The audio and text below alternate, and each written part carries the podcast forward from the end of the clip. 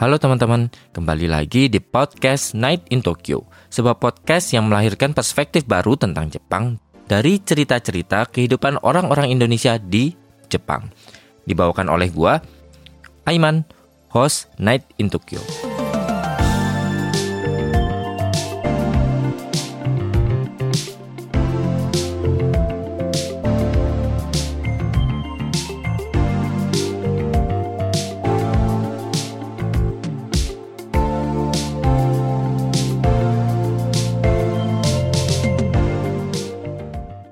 Halo teman-teman, kembali lagi dengan gua Iman di Night in Tokyo. Gimana teman-teman kabarnya semingguan ini? Semoga teman-teman tetap sehat, tetap baik-baik aja, tetap lancar semuanya kerjaannya, yang masih study, studinya juga. Kesempatan kali ini teman-teman gua kedatangan dua orang teman.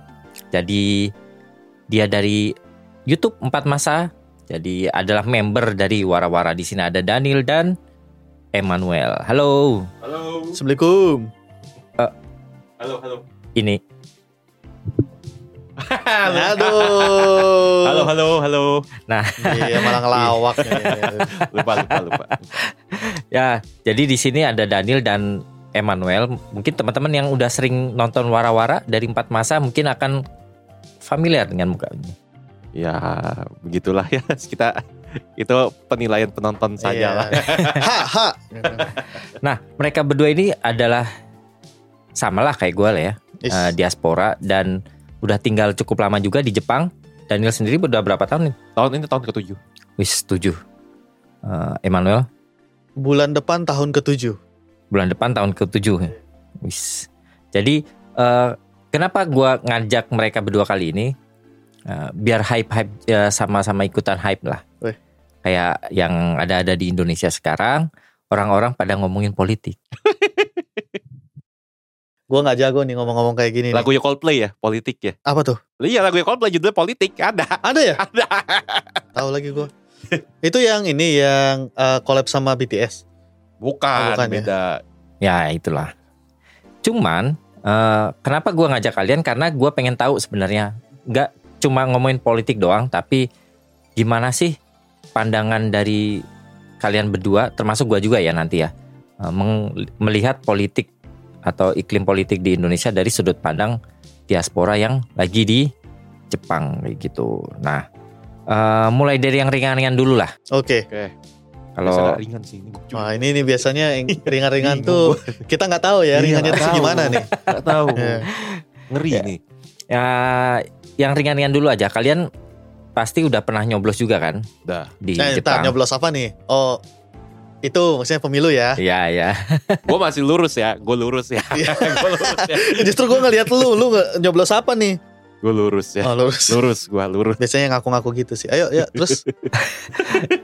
Eh, pernah nyoblos eh, di Jepang dari dua kali pemilu kemarin.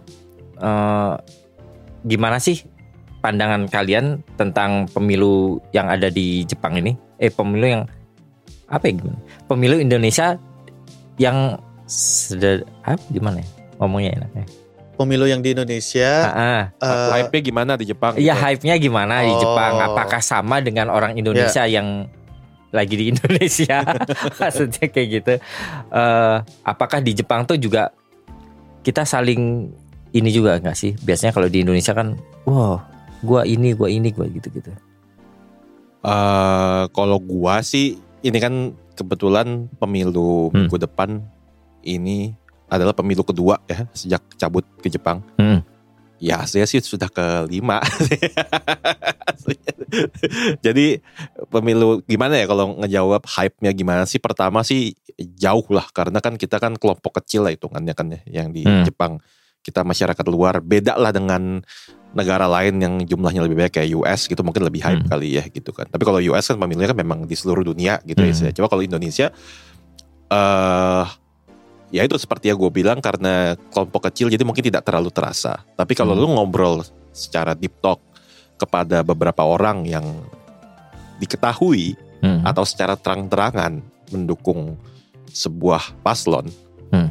Ya itu nggak jauh beda sih pak. Tetap kebagi-bagi lah ya. Tetap tetap. Jadi kalau misalnya ya intinya sih kalau diajakin ngomong mah hype-nya ada aja sih gitu. Hmm.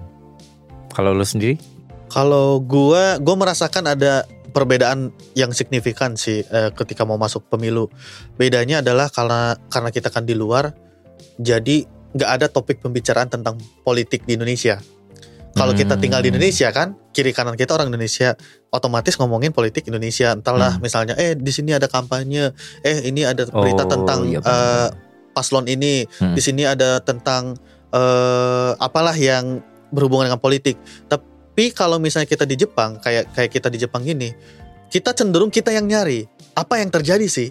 Oh benar benar benar ya. Kalau Karena misalnya kalau misalnya di sana kan otomatis kita mendapatkan Iya. gitu, Hmm. dapatkan asupan. Eh ini ada kejadian ini, kejadian ini, ini viral, ini viral. lah ya. Iya, tapi kalau misalnya kita ada di sini kan karena sekitar kita itu secara umum ya, karena kita hidupnya istilahnya berpisah gitu, Ah.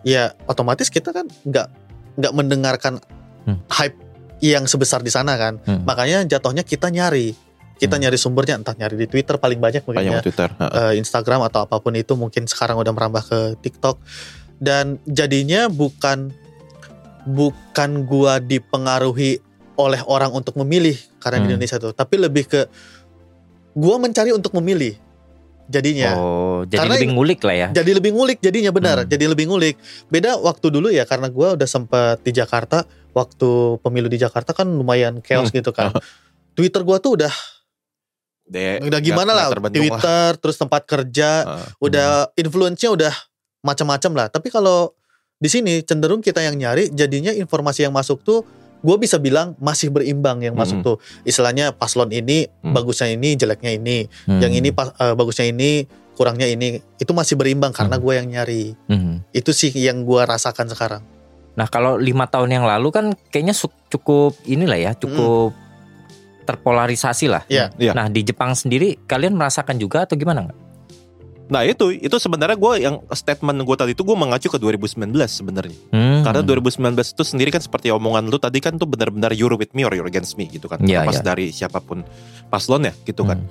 Nah jadi ya karena si mendukung pernyataan si Emmanuel tadi karena kita Hmm. nyari segala macam ya otomatis kita ngajakin ngobrol ya itu.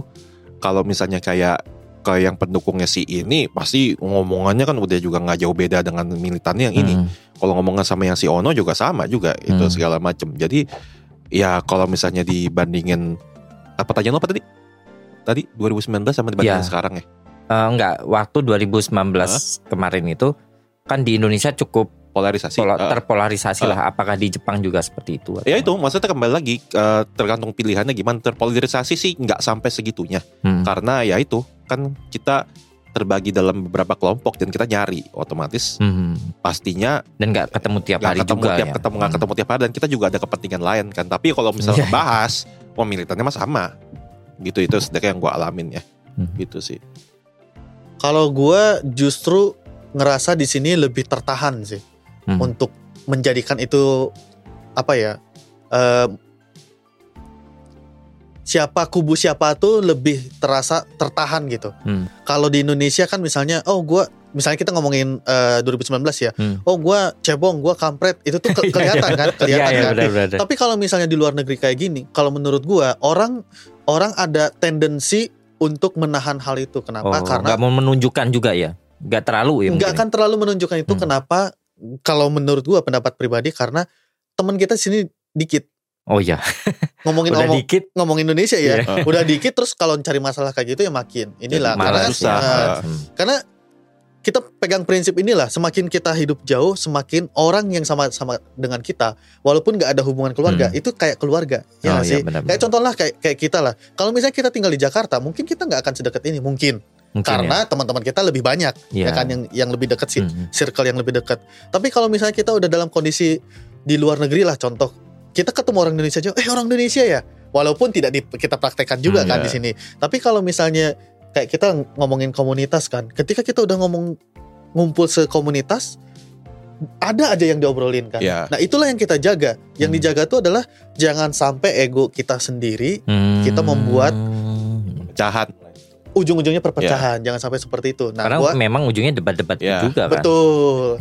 Nah, makanya kalau ngomongin 2019, gue ngerasa kecenderungan untuk menahan diri tidak eh, apa ya menunjukkan bahwa lu pendukung siapa tuh lebih tinggi. nggak se-ekspresif Ah, di iya. orang-orang di Indonesia iya, lah. ya. karena kalau di Indonesia kan oh lu dukung 01, ah lu kampret Iya, Eh, oh, lu kampret. apa ya yang mana ya nggak Gua- tahu gue juga gitu. gua cebong misalnya. Lu kampret. Oh, karena gua cebong, oh ya gua- orang-orang cebong yang lain banyak kok di sini. Hmm. Jadi gua musuhan sama lu pun masih ada nih teman gua gitu. Tapi kalau di sini kan lu ngomongin orang Indonesia aja bisa dihitung dengan jari kan istilah Iya. yang lu kenal gitu. ya intinya sih ada rasa pengen inilah apa sih kom, pengen mengejaga lah kalau bisa sih. Kan kita nggak tahu ya kita butuhnya kap Iya, itu ada apa benar. gitu. Ya nggak sih? Kadang-kadang kan gimana ya kita nggak mikir lah istilahnya lu dukung Iya, siapa iya, iya. dukung siapa gitu istilahnya. Ada perasaan seperti itu sih gitu sih mungkin bagi sebagian orang. Nah kalau eh, kalian kan udah cukup lama lah istilahnya tinggal di Jepang eh, dan udah terekspos dengan budaya Jepang, sosial Jepang dan mungkin udah sangat apa ya teradaptasi teradaptasi lah dengan budaya Jepang. Mungkin nggak sedikit lah eh, cara berpikir kalian itu berubah atau gimana gara-gara tinggal di Jepang. Nah dengan lu tinggal selama itu di Jepang, apakah itu ikut mem- sedikit merubah sudut pandang kalian tentang pemilu atau politik di Indonesia? Apa ya? Ngubah sih gua rasa sih enggak ya karena kan Hmm. kayak gitu-gitu aja sih Atau mungkin sudut pandangnya aja lu punya sudut pandang lain tentang eh, pemilu di Indonesia atau politik. Soalnya kan kalau orang di Indonesia kan karena nggak terekspos dengan apa pun lah mungkin ya. Ya dia melihat pemilu itu ya tetap kayak gitu. Apakah lu punya juga gitu? Kalau gue mungkin kalau gua mungkin akan ngebawanya ngebandingin dengan situasi politik di Jepang kali ya Hmm. gitu ya. Karena kalau misalnya eh, bola Indonesia kan dari 2004 kan udah 20 tahun kita kan pilih Hmm. presiden langsung kan gini-gini aja Iya. kan cuma tinggal siapa aja paslonnya Hmm. segala macam. Tapi kalau dibandingin sama di Jepang, gue baru sadar sih ini mungkin gak ada hubungannya langsung dengan ini sekali ini opini pribadi gue dan tidak ada Hmm. hubungannya langsung dengan eh, keberlangsungan pemilunya sendiri. Tapi Hmm. menurut gue, gue jadi sadar kalau misalnya ternyata Indonesia itu segitu demokrasinya sebenarnya dalam memilih Hmm. Uh, calon pemimpin gitu istilahnya. Karena eh beda perlakuannya dengan Jepang. Kalau Jepang itu kan dia kan pilih parlemen setahu gue. Ya, milih DPR-nya lah. Pilih DPR ya. Tapi ca- calegnya juga caleg kita ngomong istilah-istilah yang Hmm. gampang dimengerti oleh Indonesia calegnya. Calegnya itu juga kampanye-kampanye juga poster walaupun posternya isinya template gitu-gitu aja gitu ya. Tapi gimana ya? Kalau mungkin gue dengar dari salah satu kawan kita juga namanya Mas Eno gitu ya. Hmm. Kita juga dia udah bilang katanya pemilih di Jepang itu kan pemilih di Jepang itu kan turun ya intinya gitu kan. Hmm. Partisipasinya ya. Partisipasinya Hmm. turun ya. Ya itu kan berarti dan gue pernah ngobrol juga sama salah satu komedian Jepang juga Mesida namanya Hmm. yang kontennya sekarang lagi viral juga tuh yang dia juga gue tanya kenapa sih kok kayak pemilih di Jepang turun terus dan Hmm. kenapa rakyat apa anak muda Jepang tuh tidak terlalu kepengen ngebahas politik ya karena satu ya karena politik itu dianggapnya sudah dianggap kayak membosankan gitu lah istilahnya Hmm. gitu kan kedua ya Jepang itu juga udah se- segitu aja gitu loh Hmm. jadi ya paling kalau misalnya nanti ganti perdana menteri ganti apa paling masalahnya yang diganti ya paling itu itu lagi gitu loh kayak pajak Hmm. atau itu menurut si Mas Eno waktu itu ya Hmm. pajak terus nenkin terus koreka gitu istilahnya gitu kan Hmm. sebenarnya kalau di Indonesia sendiri gue cukup sangat eh, apresiatif gitu loh sama teman-teman kita gitu karena mereka tuh segitu peduli sama negara segitu peduli sama pemimpin Hmm. sampai sekali lagi itu kan mungkin ketika gua di Indonesia sama ketika gue di Jepang gue memandangnya berbeda ketika gue di Indonesia itu gue rada-rada ah ngapain sih lu ngomongin politik gini-gini semua orang jadi tampak terlihat menyebalkan gitu Oh. tapi setelah gue tinggal di sini dan gue melihatin Indonesia dari mata luar gitu kan lu begitu peduli sama capres begitu peduli sama sama, sama cagup segala Hmm. macamnya berarti kita sebenarnya negara yang kritis sama pemerintahan sendiri dan menurut Hmm. gua di satu sisi itu bagus gitu Hmm. bagus karena kita tahu apa yang terbaik buat negara kita walaupun semua orang punya pendapatnya masing-masing ya. Hmm. Itu itu sih satu hal besar yang gue pelajari sih selama tinggal di Jepang tentang pandangan gue terhadap perpolitikan di Indonesia gitu. Hmm. Berubah sih enggak, tapi pandangan gue yang berubah. Ya sudut pandangnya Iya. jadi Iya. ya jadi geser dikit lah ya. Ya gitu, bisa ngeliat dari sisi lain gitu sih kalau dari gue. Kalau sendiri. Kalau gua justru karena ngerasa ya, karena gua ngerasa berarti gua udah tiga kali eh 2004 tuh gua berapa tahun ya? Belum lalu Belum lah ya. sembilan Berarti gua 2009 kayaknya mulai. Kali lah. Jujur gua nggak ngerasa signifikan sih Hmm. sama Dampaknya gitu maksudnya. dampaknya jadi demokrasi maksudnya eh, pemilihan presidennya ya bukan eh siapa presidennya ya bukan oh, pemilihan siapa pun presidennya Iya, gitu maksudnya. kayaknya gitu-gitu aja gitu. Hmm. maksud gua eh, tapi ada beberapa sifat yang eh, pola pikir gua yang ag- agak sedikit berubah. Eh, mungkin ini karena sering dengerin podcastnya Panji juga sih. Lebih ke beneran. Lebih Iya, ke dulu tuh milih karena kita suka. Hmm. Antara kita suka atau kita benci Atau enggak ya keluarga kita ikut ikut oh, ya, keluarga echo chamber aja gitu Iya. kan. Nah, kebetulan kalau gue kalau di keluarga nggak ada kayak gitu. Kebetulan Oh.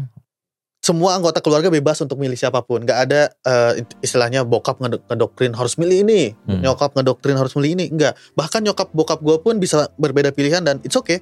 Oh iya. Iya, Bagus dong. bagus. iya. Makanya kita nggak pernah ngomong politik di Di rumah. di rumah nggak pernah. Hmm. Nggak pernah dalam artian kita nggak bahas eh kenapa sih presiden sekarang tuh kayak gitu? Enggak. Hmm. Lebih ke eh loh kok dia korupsi lagi?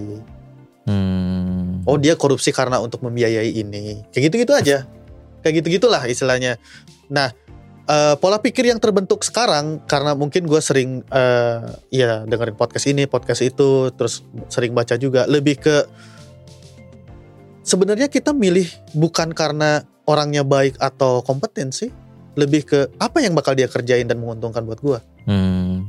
masalahnya selama pemilu dari 2009 kayaknya gue nggak merasakan eh, apa ya dampak perubahan yang signifikan sih tapi gue bisa jujur sa- sa- satu-satunya yang berdampak buat gue dan keluarga gue adalah infrastruktur yang sekarang Hmm. terutama yang di Sumatera karena kan keluarga dari Sumatera jadi jalan. ya cuman itu yang gue rasain sekarang. Hmm. beneran karena gue mengalaminya. Makanya gue bisa bilang dengan dengan gue mungkin bisa bilang gue itu adalah masyarakat menengah istilahnya. Kan ada menengah eh, bawah sama atas lah istilahnya. Kayaknya nggak terlalu signifikan deh untuk orang-orang menengah siapa pun presidennya loh. Makanya gue kadang suka berpikir kenapa nggak dibuat kayak Jepang aja? Ya udah yang, yang pilih parlemennya aja. Hmm, kita milih parlemennya biar mereka yang Betul. pilih pemimpinnya siapa gitu ya. masalahnya sekarang kan parlemennya kita masih eh, apa ya generasi gapnya tuh masih ada gitu. Mhm. yang kita inginkan sama yang mereka inginkan tuh masih bener-bener jauh beda gitu. Makanya kita juga nggak eh, nggak bisa mengharapkan bahwa udah ganti aja sistemnya kayak sistem Jepang. Nggak bisa juga kayak gitu sih kalau Ah. ini. Tapi gua ngelihat kalau misalnya da- dari sistemnya Jepang salah satunya ada nggak bawa-bawa agama mungkin ya. Ya, nah itu tuh bukan bukan jadi senjata istilahnya Iya, iya. senjata untuk ada eh, nggak bisa dijadiin senjata lah. buat memoles Hmm. politiknya mereka gitu Hmm. jadinya mainnya apa mainnya strategi mainnya Hmm. program kerja gitu. Gua nggak tahu ya apakah politik Jepang itu bawa-bawa masa lalu. Gua nggak tahu juga. Tapi setidaknya orang-orang di Jepang ini mungkin gua udah merasakan apa yang mereka rasakan bahwa politik mah gitu-gitu aja nih. Hmm. Malah malah gua ngerasa sekarang kayak gak usah lah ngomongin eh, orang-orang yang di rumah kayak kita lah di Hmm. komunitas misalnya Iya, iya. komunitas stand up kita bebas kok sekarang ngomongin gue milih A milih B milih C satu dua tiga Iya. gitu Hmm. dengan alasan masing-masing gitu masih nggak. misalnya gue milih satu terus lu milih dua lu orang yang kedua itu ngejelek-jelekan nomor satu ya udah itu ya terus kenapa karena ya itu pilihan gue ya kalau lu mau ubah ya ubah de- eh, apa sih program kerja yang nomor dua lu itu Hmm. gitu karena kan balik lagi gue memilih karena ada sesuatu yang mereka paparkan yang mungkin relate atau apa bikin, gitu. iya bikin gue eh, ber- bermanfaat lah buat gue gitu Hmm. tapi kalau misalnya nggak ada ya gua, gimana gua bisa milih Eh, orang mau sebaik apa pun orang itu ya, Hmm. mau se bersih apa pun orang itu kalau misalnya ternyata di program kerjanya dia tidak ada yang menguntungkan gua atau secara profesi gua, buat apa gua Hmm. Dukung gitu. Karena toh ujung-ujungnya bakal kayak gitu juga ujung-ujungnya gitu. Hmm.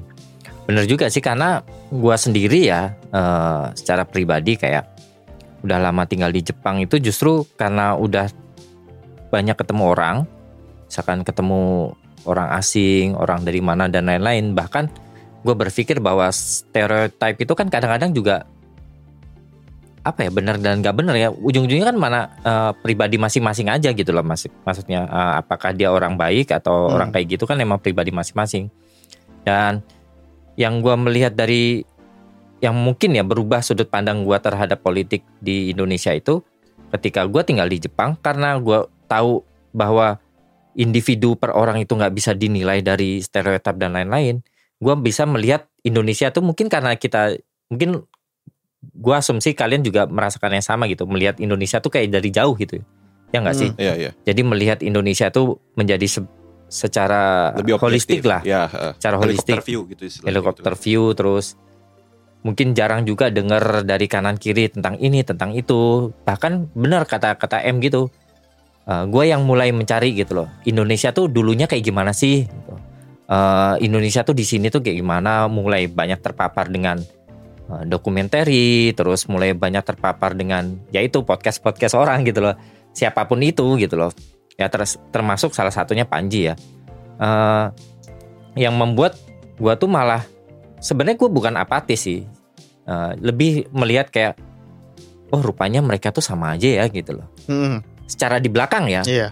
memang secara sosok di depan mereka beda. Yang ini kelihatannya gini yang ini kelihatannya gini yang ini kelihatannya gini mungkin eh gua ada sih beberapa kemarin menemukan satu artikel gitu loh di Indonesia ICW itu apa sih Indonesia Corruption, Corruption. Corruption Watch yang di mana dia memaparkan satu artikel koncoismenya Soeharto Oh, Oke. Oh, itu uh, mungkin kalau gua salah jangan salahin gue ya. Salahin artikel itu ya. ngutip ya, ngutip, ngutip Gua aja, ngutip aja ngutip nih. aja, ngutip yang di mana aja. intinya dia tuh men-track uh, memang Soeharto tuh jatuh lah. Uh, uh, keluarganya juga akhirnya bisnisnya dilempar ke sini sana sini sana sini. Meskipun sekarang uh, keluarga cendana itu ya udah lebih ke nggak nggak terlihat. Meskipun pasti masih gitu-gitu aja ya. Yang di mana di situ dia memaparkan banyaknya konco-konconya Soeharto. Ya ketika Soeharto jatuh tuh mulai punya bisnis dan lain-lain. Di situlah mungkin teman-teman bisa cari lah. Ya kemungkinan di deskripsi gua gua taruh juga deh linknya. Jadi dia di list tuh si ini si ini sekarang siapa si ini siapa siapa nah itu kalau kalian baca kalian lihat sekarang siapa yang dibalik satu dua tiga semuanya tuh ada di sana gitu. Jadi Hmm. eh, memang eh, kalau bisa disimpulkan sekarang itu generasi sekarang itu memang kita udah lepas dari Soeharto tapi kita tuh masih kena dampak dari pemimpinan Soeharto gitu. Jadi benar juga eh, mungkin nggak tahu ya ini mungkin pendapat gua doang. Eh, siapa pun yang kita pilih pun eh, dampaknya juga nggak nggak gede-gede amat juga ya sebenarnya. Ada satu eh, yang gue lupa. eh setelah sampai di titik ini, gue melumrahkan atau mewajarkan adanya politik terima kasih. Wah, kayak gimana itu? Jadi misalnya eh eh, kita ngomongin calon presiden lah, nggak mungkin kan biaya kampanyenya dia sendiri yang ah iya itu kan. Iya. Pasti kan ada entah pengusaha, Heeh. entah siapa pun yang itulah yang lah, ada gitu. yang backing Hmm. kan. Heeh. Dan gue mewajarkan bahwa ketika presiden itu terpilih karena biaya-biaya dari pengusaha A, Hmm. B, C, D ini nih, istilah taruhlah dila- dilancarkan bisnisnya atau apa, itu gue Hmm. melumrahkan jadinya. Gue salah satu yang kok dia ngedukung eh, properti ini sih, padahal Iya. kan dia banyak kasus gini gini gini gini gini. Hmm. Tapi kan kalau misalnya dari sudut pandang orang yang terpilih itu, dari taruhlah presiden yang terpilih itu, kan nggak bisa kan, loh dia kan yang ngebantu gue kemarin Hmm. masa gue harus mengkasuskan hal ini gitu Oh, itu memang yang banyak dikritik termasuk salah satunya kayak dari dari Mamat ya. Bahwa yang kenapa harus adanya terjadinya politik terima kasih di Indonesia itu karena sistem pembiayaan politik yang masih itu marut. iya karena kan nggak crowdfunding nggak mungkin kan nggak mungkin. nggak mungkin kan makanya kan makanya kan dari dari dari dari sekian beberapa pengusaha dong yang jadinya kan istilahnya Hmm. kayak contohlah kalau misalnya kita ngomongin eh, Pak Jokowi adalah yang bilang sembilan naga Hmm. Da- iya dong kan itu itu Iya, udah iya, rahasia itu umum rahasia. dong Iya, udah rahasia iya, umum iya, kok iya. ya taruhlah taruhlah itu nggak benar lah ya taruhlah itu nggak benar ya tapi gua gua percaya bahwa ada orang atau pengusaha di belakangnya dia Nggak mungkin nggak ya. nggak mungkin enggak. enggak karena kita kita balik lagi lah ngomongin apa asal muasalnya Pak Jokowi misalnya dari yang tukang kayu Mm. bisa jadi tiba-tiba jadi presiden emang nggak pakai biaya kan ada Ya biayanya ada lah Nah, gitu sih. gua mewajarkan itu selama memang itu yang yang dibalikan sama presiden itu adalah sesuatu hal yang wajar Hmm. misalnya yang melancarkan bisnisnya atau misalnya eh, apa sih bilangnya kalau masalah perizinan dipermudah Di- ya, kayak gitu, gitu selama masih ikut aturan gue sekarang sudah ya udahlah orang mereka yang Ya. bantuin kok gitu makanya gue justru ada kecenderungan juga mikir mending presiden tuh orang kaya atau mending presiden tuh eh apa ya istilahnya ya secara secara apa ya istilahnya ya bilangnya biar biar dia tuh sebenarnya berkuasa karena dia pengen pengen jadi presiden bukan karena ada bisnisnya bukan Hmm. karena oh, ada bukan karena pengen pengen jadi kaya. Iya, iya, ha. iya. Hmm. Menganggap presiden itu sebagai karir bukan sebagai Betul. ini, Pen- gitu kan. Menurut gua presiden tuh mungkin bisa jadi se- sebuah pencapaian seorang pemimpin Heeh. kalau menurut gua Iya, sih. heeh. Walaupun kita nggak bisa berharap 100% semua presiden bakal seperti itu.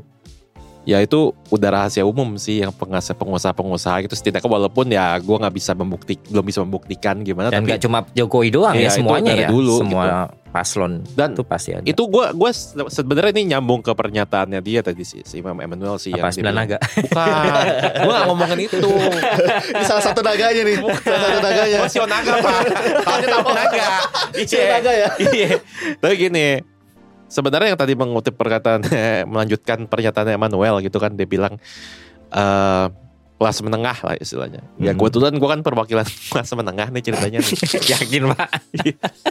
Iya iyalah maksudnya kan di, di, ya, Karena kan gue gak berani bilang gue gak declare gue kelas atas dong Oh, iya, iya, iya, kan? iya, Iya, iya. Soalnya masih ada yang Masih di ada atas. yang di atas Jadi gue bilang menengah aja lah Kan kalau menengah kan sudah pasti ya Ya, Istilahnya ya, gitu ya, kan Iya. Gua gua agak sedikit setuju sih. Gue setuju lah karena Hmm. kelas menengah itu mungkin lebih apatis daripada politik atau kecuali tadi bilang apa ada kepentingan segala macam gitu kan. Itu Hmm. karena Iya. kelas menengah di Indonesia itu atau setidaknya di keluarga gua deh ya. Keluarga gua itu termasuk salah satu yang sebenarnya politik itu gitu aja gitu. Kayak kita nggak pernah kita ngomongin ngomongin tapi begitu aja. Karena kita itu mindsetnya tuh udah kayak ya siapa pun presidennya ya kita gini-gini aja ya kita sudah sampai titik itu gitu berarti kan tanda kutipnya kan sudah makmur ya gitu Hmm. istilahnya kan gitu kalau ngomong bagusnya gitu kan kita Udah, udah kita udah ya. udah inilah ya Oh, maksudnya udah sejahtera lah ya. udah sejahtera Oh, iya, iya, gitu iya. maka kita bisa berpikir seperti itu gitu loh yang penting udah kayak gitu maka sebenarnya pemikiran seperti itu itu harusnya kalau yang sudah sejahtera gitu sebenarnya Iya, iya. itu tolong dikat saja ya sama gua. Nggak tapi gitu maksud gua karena kita udah eh keluarga gua udah termasuk sejahtera gitu jadi Hmm. bisa mikirnya kayak gitulah. Tapi kelas menengah itu cuma bis kelas menengah kayak gua keluarga gua itu Hmm. kemarin itu selama pilkada dan pilpres itu cuma butuh kalau nggak yang kepentingannya kepentingan sama tokoh Oh. lebih tapi tapi lebih condong ke tokoh Hmm, hmm. kalau misalnya katakanlah ketika selama ya katakanlah pil pilkada kan pil pilkada sama pilpres yang rame kan mulai Hmm. katakanlah sekitaran 10 tahun belakangan gitu kan ya kan ada pilpres sama pilkada gitu kan itu Hmm. semenjak ada terutama sejak pilkada tuh ya keluarga gue tuh udah mulai tuh tiba-tiba bukan keluarga gue aja mungkin yang lainnya dari, dari yang setara biasanya apatis kok tiba-tiba jadi mengidolakan sosok ini gitu Hmm, hmm. Ada dampaknya. ada dampaknya, Ada gitu. dampaknya. Jadi itu sih sebenarnya manuver apa ya buat kita yang gua rasakan gitu ya.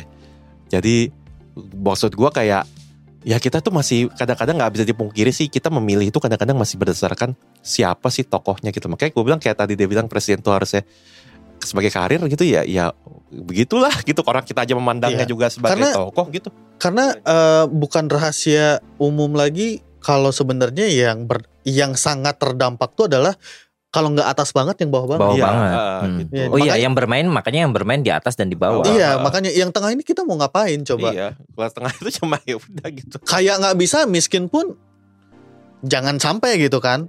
Jadinya Iya. taruhlah misalnya kita kalau ngomongin eh, kita nggak kaya jadi ya udah kita kerja biasa gitu. Tapi Hmm. kita juga nggak mau miskin yang bisa mendapatkan bantuan ini itu kan Iya, istilahnya. Jadi ya udah yang yang menengah tuh cuman bisa ya udah. Yang penting kepentingan gua adalah di di salah satu program kerja Hmm. presiden itu nggak perlu lu eh, orangnya baik jahat kayak gitu ya. Toh sama-sama aja ternyata dari dulu. Gue jadi ingat kalau ngomongin kelas menengah itu ada salah satu bukunya, kayaknya orang Swedia lah pokoknya, Eh, Factfulness. Jadi factfulness itu cerita tentang bahwa eh, apa yang kita lihat di media eh, kurang lebihnya kayak gitulah. Apa yang kita lihat di media itu tuh benar tapi nggak sepenuhnya benar gitu loh. Hmm. Karena seperti yang kita tahu lah, eh, media itu kan pasti ingin mencari berita yang menarik buat dibaca. Iya. Jadi kebanyakan berita di media itu hanya berkisar ke eh, orang yang kaya banget atau enggak kemiskinan, Miskin ya kan? banget, iya. Padahal di dunia ini rupanya 80% itu popul eh, populit eh, Populasi. populasi populasi terbanyak di dunia itu adalah kelas menengah sebenarnya. Mm-mm. Terus kenapa kelas menengah itu nggak pernah diberitakan? Karena nggak menarik. Iya, karena Iya, ngapain? mayoritas itu. Ya ngapain kita Iya. Cerita tentang kehidupan kita yang ya udah kerja, pulang, tidur Hmm. itu. Jadi nggak ada dibilang struggle enggak, Hmm. dibilang mewah juga enggak. Ya Ya. gitu-gitu aja ya, gitu loh. ya dibilang yang kayak isti- istilahnya apa sih kayak lu mau minta dibilang meminta bansos gitu istilahnya kan. Sebenarnya gue mau kalau dikasih mau juga tapi Mau, kayak ya. nggak Tapi apa kayak kayak secara moral masuk. juga mau, Nggak ya. masuk syarat. Iya, syarat. Cuma kalau dikasih gue mau juga sih gitu Iya. loh istilahnya. Iya. I- itu karena ya memang menarik karena orang-orang yang mayoritas kayak kita tuh justru malah nggak nggak pernah ada di berita makanya di berita itu eh, kita juga perlu aware juga bahwa eh, itu tuh benar tapi nggak sepenuhnya benar karena cerita orang-orang biasa kayak kita tuh nggak nggak bakal Nggak menarik. Menarik. nggak Lu- lu nggak- lu- kita kecuali- lagi podcast gini nggak nggak bakal jadi berita Kecuali, ngapain kecuali, lah kecuali lu bikin apa sih statement konyol masih bisa atau viral tuh istilahnya. Cuma kelas menengah sih. Kelas menengah susah sih, nggak bisa. dan benar juga dampak eh, dari eh, apa ya dampak politik terhadap kelas menengah itu memang sedikit ya dibilang eh, ya benar kata lu kayak yang kena dampaknya tuh antara yang Atas ka- banget. atas banget yang pembisnis dan lain-lain atau enggak yang Oh, bawah banget yang memang eh, perlu bansos perlu ini perlu apa namanya asuransi kesehatan di Indonesia itu apa sih BPJS. BPJS kayak gitu-gitu gitu loh.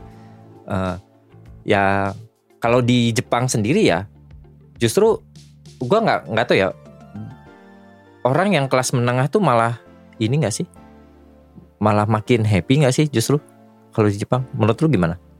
Kalau gua apa ya kembali lagi sih ke tadi pernyataannya teman kita tadi itu sih dan gua nanya juga ke beberapa orang Jepang waktu zaman gua masih aktif di perlingkaran ekspat ekspat Jakarta ya di ekspat Jakarta. Jepang di Jakarta gitu ya kadang-kadang Jepang itu sebenarnya eh, kalau gua ngomongin gua tarik garis lebih besar lagi Jepang itu kan kalau di mata orang Indonesia adalah negara maju negara yang udah Hmm. udah autopilot lah istilahnya gitu kan jadi makanya siapa pun pemimpinnya paling cuma meneruskan aja Hmm. gitu kan. Nah, kenapa? Maksudnya justru kelas menengah di Jepang happy karena ya rata-rata memang satu udah udah udah terpenuhi aja social welfare udah jalan gitu loh. Hmm. Sama kayak kita kita lah tiap Hmm. bulan kan kita gaji dipotong 50 ribu 60 ribu kan buat nenkinnya, buat Hmm. Ya. hokeng, buat shakai hokeng gitu kan. Dan Itu sisanya pun udah sisanya lebih pun dari cukup. udah lebih dari kan? cukup gitu kan.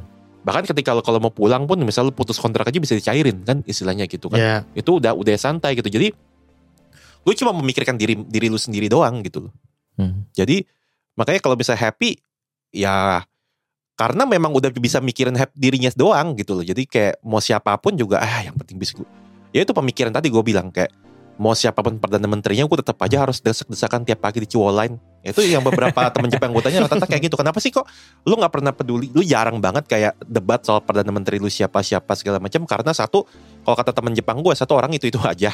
Kedua paling ya itu tetap harus berdesak-desakan di Ciwoline kecuali lu bisa membuat gue tidak berdesak-desakan di tiap pagi. Nah itu tuh. Baru. Hmm.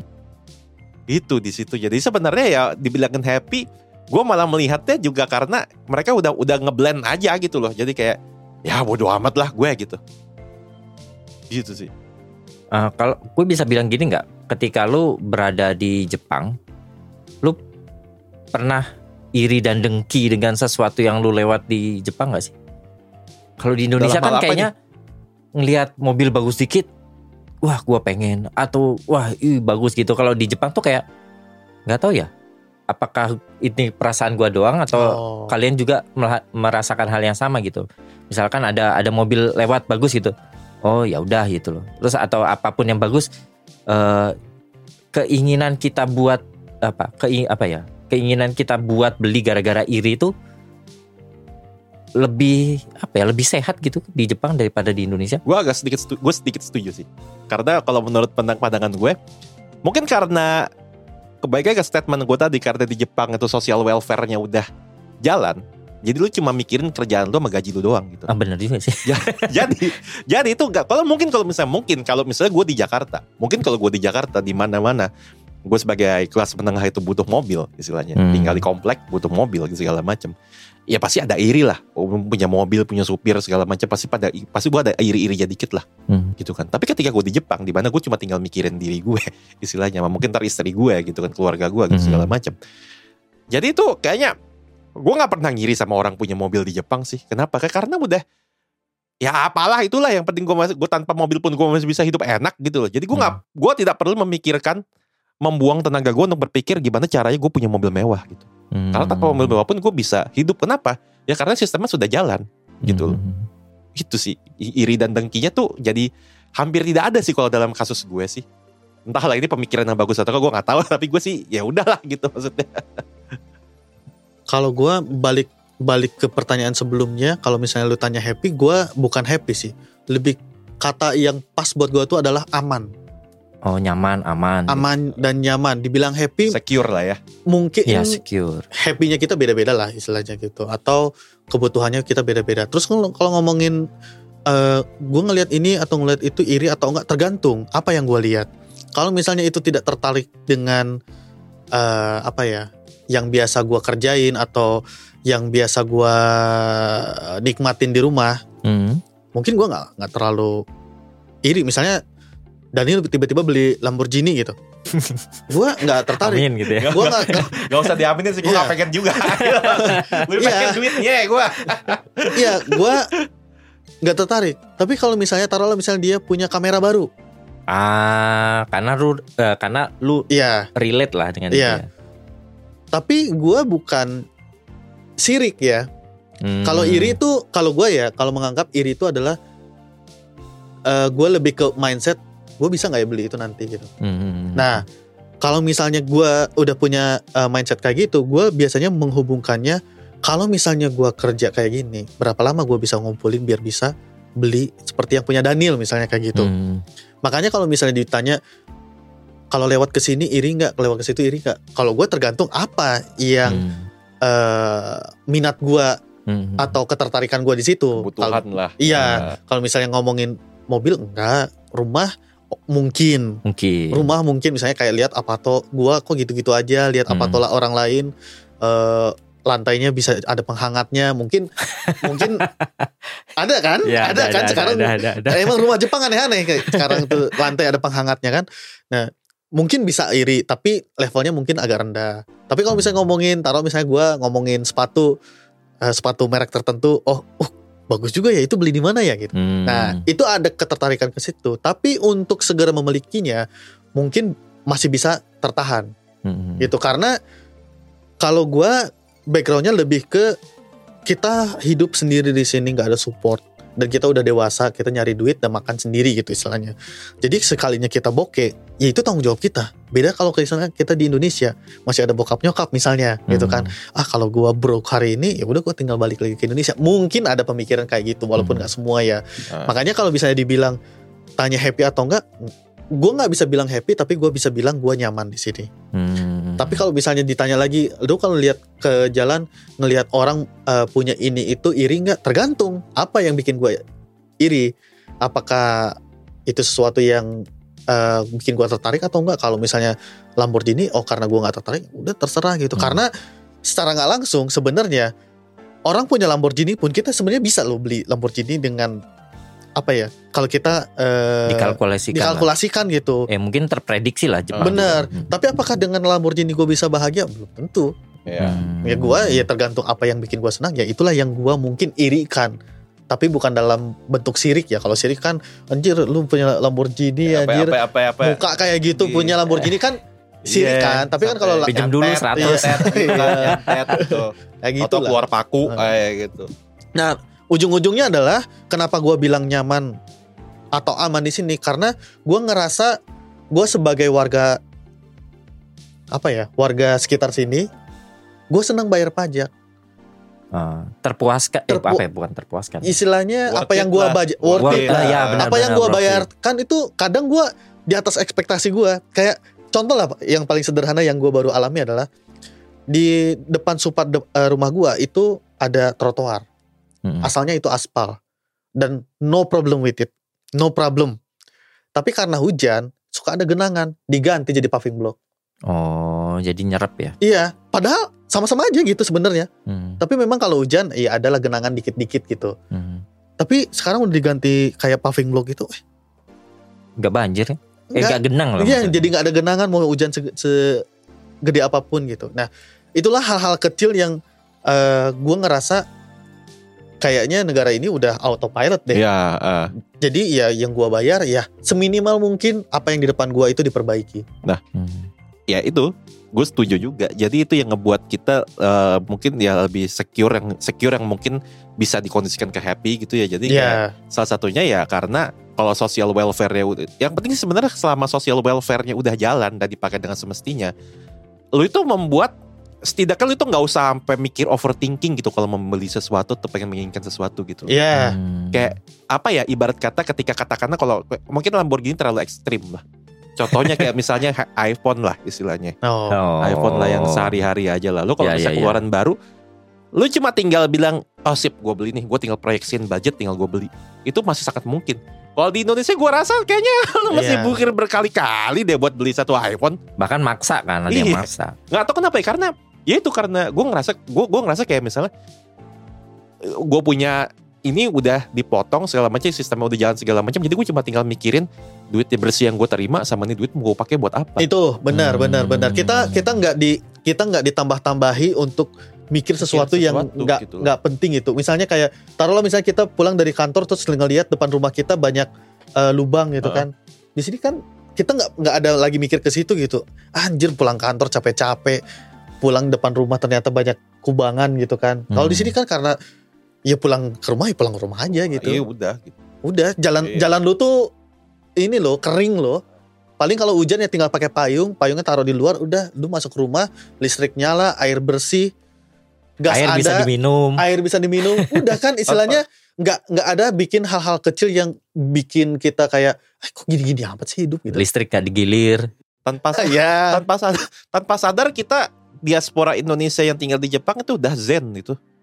Udah sampai tahap Oh. zen itu istilahnya kayak lu udah ya lu udah tinggal kerja pulang paling yang lu ngebatin apa sih kerjaan ya itu Ya. sangat personal Oh. kan Oh, itu istilahnya beda kan. cerita lah. Iya itu doang gitu. Selebihnya kan lu tidak dibikin aneh-aneh misalnya kebijakan yang aneh-aneh, kebijakan apa gitu-gitu. Yang mm, gitu.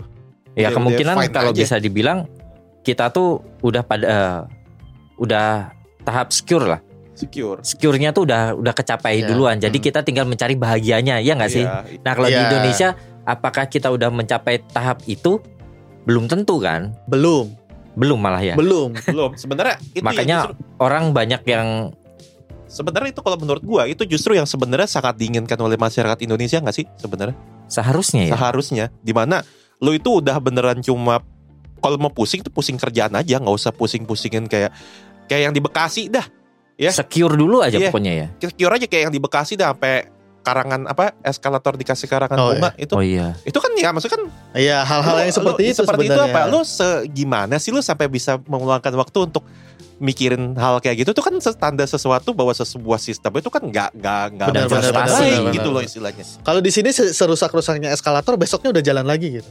Ya oke Ya, ya. for for some Iya kalau itulah. misalnya taruhlah untuk kota macet gitu besar kan iya kota besar atau di maintenance paling cuman satu malam atau Ya. beberapa jam udah jalan lagi. ya Oh, ah, yang di gitu. Bekasi 100 hari ya? Sari, Seratus ya, hari. Bekasi orang. Itu itu another level of sarcasm. Mantap warga Bekasi. Eh, Tapi ya itu sih sebenarnya itu yang gue harapkan kalau misalnya kalau ditanya ya, kalau ditanya nih.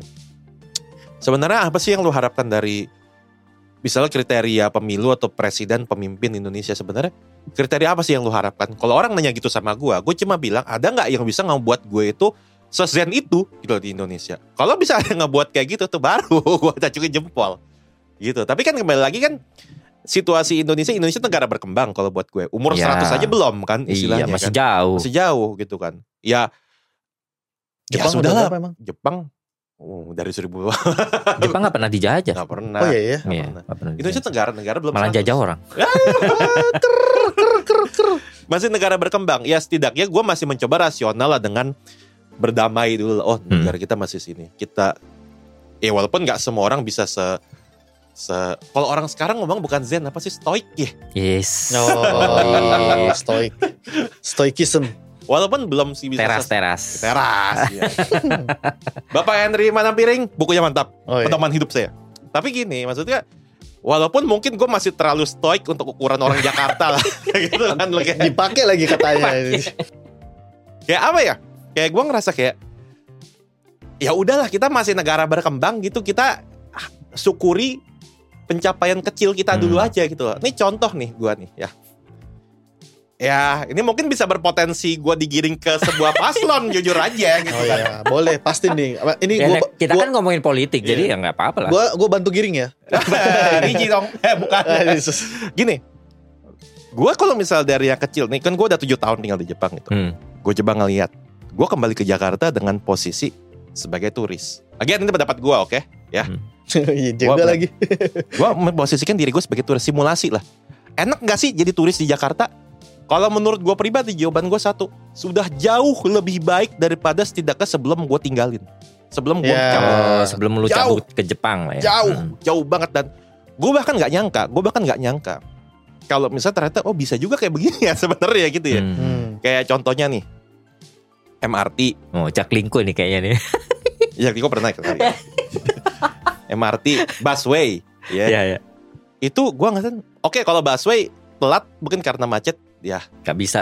itu Nggak- itu nggak tuh bisa susah lah. susah lah susah Masih susah lah Indonesia KRL itu itu. kan gue gue Oh, pengguna, KRL gua bisa. pengguna KRL dari 2016 btw ya kecopetan sekali dan masih berani dari 2016 dan gue ngerasa kayaknya eh setidaknya kalau gue sebagai mencoba menjadi turis itu makin berkembang dan hmm, it's a good thing gitu loh hmm. ya walaupun ketika gue jujur aja sih ketika gue menceritakan pandangan ini ke teman-teman gue yang masih tinggal di Jakarta rata-rata mereka menapikan gue gitu loh kayak bahkan menuduh gue terlalu politis. Ah kok gitu sih ini gini gini gini gini. Lu udah sih dukung si ini ya gini, gini. Pertanyaannya apakah mereka pengguna juga atau enggak? Ya, Nah, sepertinya sih tidak ya. Apakah mereka menikmati itu juga atau tapi enggak? nggak gini gue nggak gue jujur aja sih. Sebenarnya kalau buat gue pribadi itu udah bagus jauh.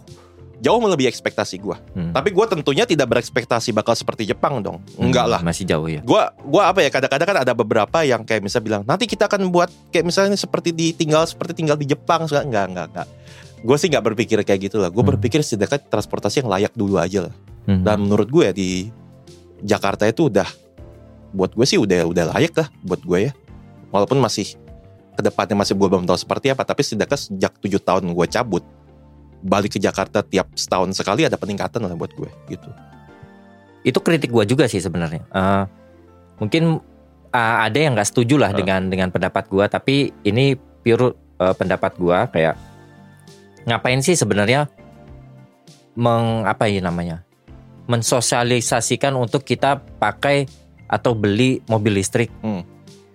daripada mikirin kayak gitu eh, kita mikirin gini mobil listrik demi lingkungan. Pertanyaannya adalah listrik kita itu di Indonesia dapat dari mana dulu itu? Selama kita masih pakai batu bara ya itu bullshit lah menurut gue ya. Pertama itu. Dan dengan adanya mobil listrik pun yang menikmati juga orang-orang Jakarta doang gitu loh. Daripada mikirin eh eh, apa sih namanya menurunkan pajak buat mobil listrik dan lain-lain kenapa benar kata eh, Daniel juga gitu loh. Perbaikin aja lah transportasi umum. yang dekat-dekat aja dulu gitu loh. Iya, Iya kita percuma ngomongin eh, alam lingkungan apa hijau dan lain-lain ngomongin mobil listrik kalau masih 80% kemungkinan ya kayaknya 80% listrik kita tuh masih batu bara gitu loh. Yang di mana batu bara udah asapnya gede, terus polusinya di mana-mana pakai apa sih namanya? Eh, sumber daya alam ya yang yang di mana fosil itu kan pasti bisa habis dan me- merusak karena dia harus menggali tambang dan lain-lain dan tenaganya pun nggak seefisien misalkan kalau di Jepang nuklir kan Hmm. karena tenaganya nggak sebesar itu polusinya gede makanya kalau kita ngomongin eh, mobil listrik mobil listrik kita tanya dulu deh misalkan eh, listrik kita tuh di Indonesia dari mana gitu daripada kita menyuruh orang semua pada beli mobil listrik, mending kita perbaiki transportasi umum aja biar semuanya orang pada pakai transportasi umum, nggak mikirin beli mobil doang gitu loh. Bener juga sih. Ya itu setuju sih gue sih. Jadi ya apa ya?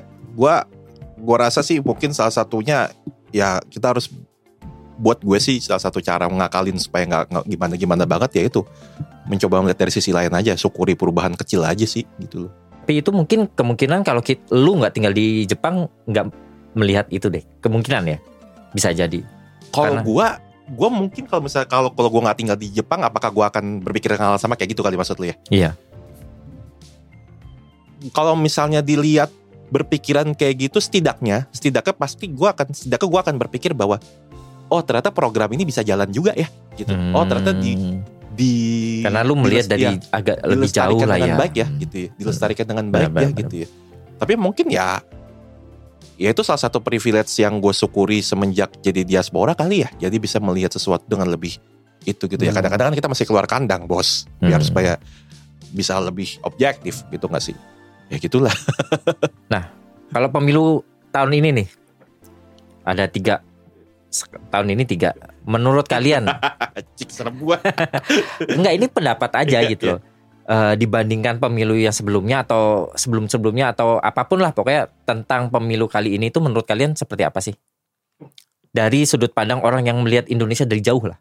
Udah Apa? Gua kan udah udah bilang tadi di awal kalau dulu-dulu pemilu tuh masih milih siapa yang baik gitu. Siapa yang nggak punya track record jelek. Oh ya Siapa benar benar. yang eh, sekiranya di, di di depan layar kaca tuh eh, oh kayaknya dia baik deh, Hmm. Eh, dia humble, dia benar. Hmm. eh, donatur apalah gitulah pokoknya ya. Hmm. Tapi kalau sekarang lebih ke gue nggak peduli siapa orangnya jadinya.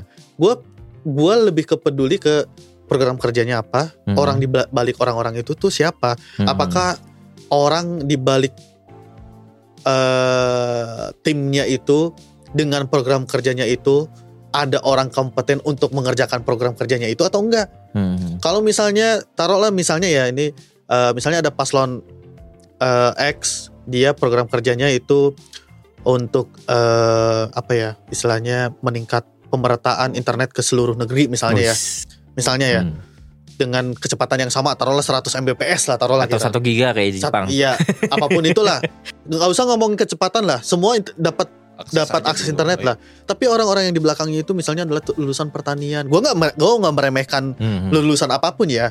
Tapi kan kalau misalnya secara secara pemikiran dasar, kalau orang mau nyari memperbaiki sesuatu, ya cari ahlinya dong. Hmm. Istilahnya yang eh, dulu belajar di bidang itu, Kompeten. kompeten di, di bidang Hmm, itu. Ya kalau misalnya ngomongin kompetensi IT ya udah taruh orang IT di situ. Hmm. Tapi setidaknya ada juga orang yang jago nego juga, nggak cuman kompeten di dalam teknisnya juga, tapi eh, apa ya bilangnya kalau eh, kayak apa sih negosiasi apa ya lobby bilangnya? lobby Nah, lobby lobby, iya apa sih bilangnya itu? Ayo apa? Eh, Cawe-cawe. birokrasinya yang jago biro- Cawe-cawe, birokrasi juga, cawe-cawe. Nggak, yang jago birokrasi Iya, iya. juga, karena lu taruh orang teknis di situ pun, dia Hmm. tahu apa yang baik pun, itu kadang orang atau eh, yang menerima Hmm. fitur ini tuh nggak semua bakal nerima, nggak semua akan melancarkan. Misalnya, Hmm. gua mau pasang internet 1 giga per second, caranya adalah pasang eh, kabel optik gini gini gini ini. Hmm. Ternyata harganya mahal Hmm. dan itu nggak bisa ada di Indonesia misalnya kayak Hmm. gitu. Kan dia nggak kalau misalnya dia nggak tahu birokrasi dia kan nggak bisa nego bahwa ya udahlah beli ke luar negeri. Misalnya Hmm. taruhlah dengan harga segini, investasi segini, Hmm. hasilnya segini gitu. Jadi se- seminimal mungkin ketika ada program kerja di belakangnya itu adalah orang yang jago birokrasi dan teknisnya, teknisnya ngerti kompeten di bidang itu gitu. Jangan sampai eh, dia adalah apa? Dia menpora tapi backgroundnya IT kan aneh. Coba Ya. Iya dong, Ya. iya dong. Istilahnya secara akal sehat kan, kita Ya. nggak perlu tahu eh, itu hanya yang itu yang lalu lah. kan ya. itu istilahnya gini loh ketika kita mau cari orang itu kompeten atau enggak pertama lihat dari backgroundnya dulu kan istilahnya Hmm. background layer paling luarnya apa oh dia lulusan taruhlah ya misalnya eh Mempora tapi lulusan IT loh kok Hmm. kenapa dia bisa kepilih misalnya kita taruh lagi eh, cari lagi lebih dalam Hmm. oh ternyata dia pernah mengurus ini secara eh, sehingga dia layaklah jadi menpora taruhlah I- itu Hmm. it's okay tapi kan dari layer terluarnya aja kita udah aneh gitu Hmm. menpora tapi lulusan IT atau Hmm. IT tapi lulusan olahraga kan aneh misalnya kayak gitu Ya. jadi setidaknya kalau semuanya selaras minimal gue punya harapan Hmm. walaupun gue nggak tahu apakah itu di- di- dilakukan atau enggak Hmm. makanya kalau ngomongin pemilu sekarang gue nggak lihat lagi orangnya siapa tapi gue lihat ini programnya apa orang dibaliknya siapa Hmm. oh kalau uh, programnya ini itu bisa masuk menguntungkan akal atau enggak ya? masuk akal dan di bidang gua di bidang kerja gua itu emang itu dibutuhkan dan di belakangnya orang-orang yang kompeten oke gue pilih dia Hmm. gitu gua nggak peduli dia siapa sebenarnya karena toh tetap aja eksekutornya bukan dia dia hanya kayak apa sih bilangnya the profesornya lah lu harus gini lu harus gini, lu harus gini. Hmm. kan belum tentu uh, Dia yang ngerjain ya. dia ngerjainnya gitu kalau gua sih ke situ Ya kalau gue sih melihat apa pemilu tahun ini dibandingkan dengan lima tahun lalu, pemilu tahun ini sih sebenarnya buat gue ya, entah ini mau dianggap serius apa enggak, buat gue tuh tanda kutip terlihat lebih menyenangkan sih, Oh. karena lebih merata lah. Hmm. Pertama calonnya tiga, nggak dua setelah 10 tahun terakhir dua, oh jadi bisa menimbulkan persepsi polarisasi you're with me or you're against me gitu kan hitam dan putih segala Oh iya macam. benar-benar. yang di mana kita itu jujur aja tuh yang membuat gue sedikit kadang-kadang rada-rada gimana kalau ada ngomong soal sama orang Indonesia ataupun negara eh, orang Indonesia ya gitu Hmm. itu dia kadang-kadang kalau nggak hitam dan putih gitu loh itu Hmm, hmm. selama 10 tahun terakhir tuh kayak gitu terus Hmm. itu gue melelahkan aja sih gitu kayak kayaknya wow lu pilih si ini berarti karakternya kayak begini Hmm. lu pilih si itu berarti karakternya kayak gitu padahal kan nggak nggak nggak seharusnya kayak gitu gitu kan nah di pemilu kali ini itu tiga tiga itu kayak gue menganggap semuanya itu rata aja gitu Hmm. rata ada bagus ya ada jeleknya ada karakter penunjukan juga beda-beda dan Hmm. menurut gue jadi lebih apa ya ya tuh lebih menyenangkannya di situ nggak ada yang bener-bener kayak lu gini deh lu kan intinya kan kalau misalnya ketika cuma dua itu ketika zaman 2014 2019 itu kan lu kalau misalnya nyerang itu kan bener-bener nyerang banget lah istilahnya nggak sih Iya iya. iya. dan lu udah di udah mah dipolarisasi lu nyerangnya juga kayak begitu tuh bisa ke mana-mana gitu kan dan sekarang nih enggak gitu jadi lu murni bener-bener wah kan bisa dibercandain di kita kita ya nggak sih oh pasti dukung ini nih pasti dukung ini dukung Iya. itu gitu loh tapi balik lagi justru karena karena calonnya tiga dan rata gitu kan menurut gua rata. Ya kembali lagi gue jadi lebih objektif juga bisa lebih objektif juga milihnya gitu. Hmm. dan di sini gue juga sadar bahwa orang itu bisa loh memilih dengan alasan apa pun. Bener baik dari yang Iya iya iya. iya. baik dari yang apa ya dan itu gue sadar gitu loh. Baik dari yang benar-benar alasan paling super remeh lu misalnya dukung si ini karena orangnya suka penyayang binatang gitu. Oh, atau lu dukung si itu karena rambutnya putih. Ah, kuning aja kali ya. Kayak Naruto ya. Iya. karena rambutnya kuning gitu. Itu suaranya satu loh. Sama dengan orang yang kayak lo tadi program kerjanya internet merata itu suara satu loh. Hmm. itu gue baru sadar bahwa ternyata you, lu bisa milih orang for whatever reason gitu loh Hmm. atau lu Iya. pilih yang saat itu karena yang itu tidak memilih lu emosi gitu kan istilahnya begitu lu bisa dan dan di situ juga lu dia dilatih gitu apa ego lu tuh dilatih gitu bahwa ternyata oh ya udah ya dia memilih ini alasan karena ini ya udah gitu loh emang begitu gitu itu yang ngebuat gue ini itu yang ngebuka setidaknya buat gue pribadi itu yang ngebuka mata gue sih yang Iya. itu tidak gue rasakan Benar. selama 2014 2019 plus pilkada 2017 nyelip itu tidak gue rasakan Oh iya. nyelip. ada juga Tiga yang tahun itu. yang kebalikan dari pemilu sebelumnya karena pemilu sebelumnya kan karena ngomongin tokoh ya Uh-uh. si, si ini baik si itu Iya. baik mungkin pemilu itu bisa pemilu ini bisa jadi siapa sih yang boroknya lebih sedikit kadang ada Oh, iya, ada iya. ada cara memilih kayak Ya, gitu juga itu iya atau bisa juga kalau misalnya memilih karena ya sudah gitu aja Iya. gitu. ada lah di Twitter kan banyak yang kayak gitu. Iya. buka aja di Twitter Nah, ya justru bukan saya itulah- loh. itulah salah salah satu eh, apa ya pola pikir baru yang eh, kita dapatkan lah istilahnya sampai tiga pemilu ini gitu. Bahwa cara milih itu nggak cuman satu gitu. Kayak karena dia baik dia kita pilih. Tapi karena rambutnya putih mungkin Iya. tadi kan? Kuning. Oh Karena kuning. gemoy gitu. karena gemoy kan? Karena karena dia pro LGBT dia kan emang ada oh, kan gua kan misalnya. Kayaknya gue tahu misalnya. tuh siapa yang nanya Ya, gitu. tuh. kan maksud gua maksud gua poin gua poin gua adalah eh, yang tadi lu bilang bahwa orang memilih itu bisa dari faktor yang seremeh Remeh. itu gitu. Jadi ya di, di, di tahap ini bahwa gua mengha- bakal menghargai orang-orang yang memilih paslon tuh karena sesuatu hal yang remeh gitu.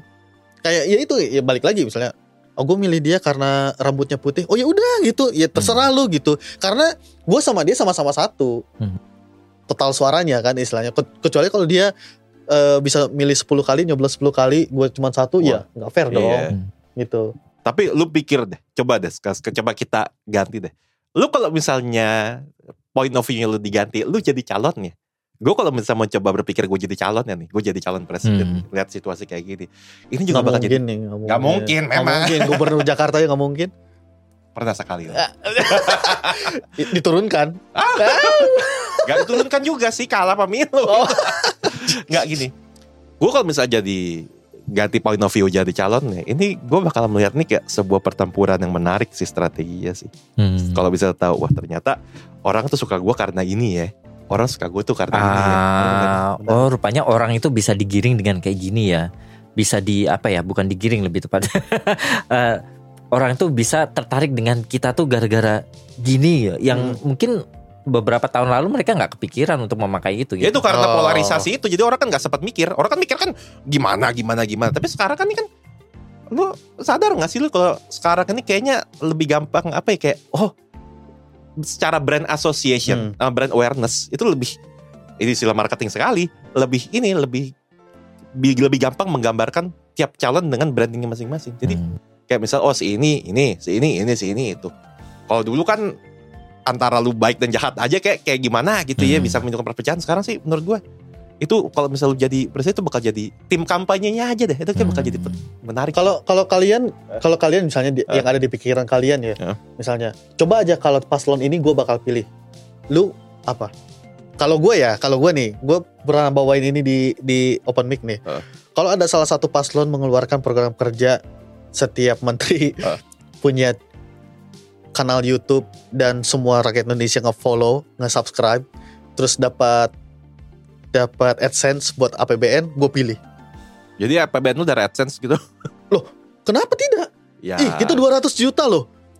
Coba sekarang eh, dua setengah subscriber dua setengah dua setengah ya dua setengah lah. dua setengah juta Enggak, kan kita kan nggak bisa bilang juga bahwa semua pakai YouTube Iya, kan. iya, iya nah, sih. taruhlah 200 juta Iya, lah iya, gitu. iya. Sekarang follower terbanyak YouTuber siapa?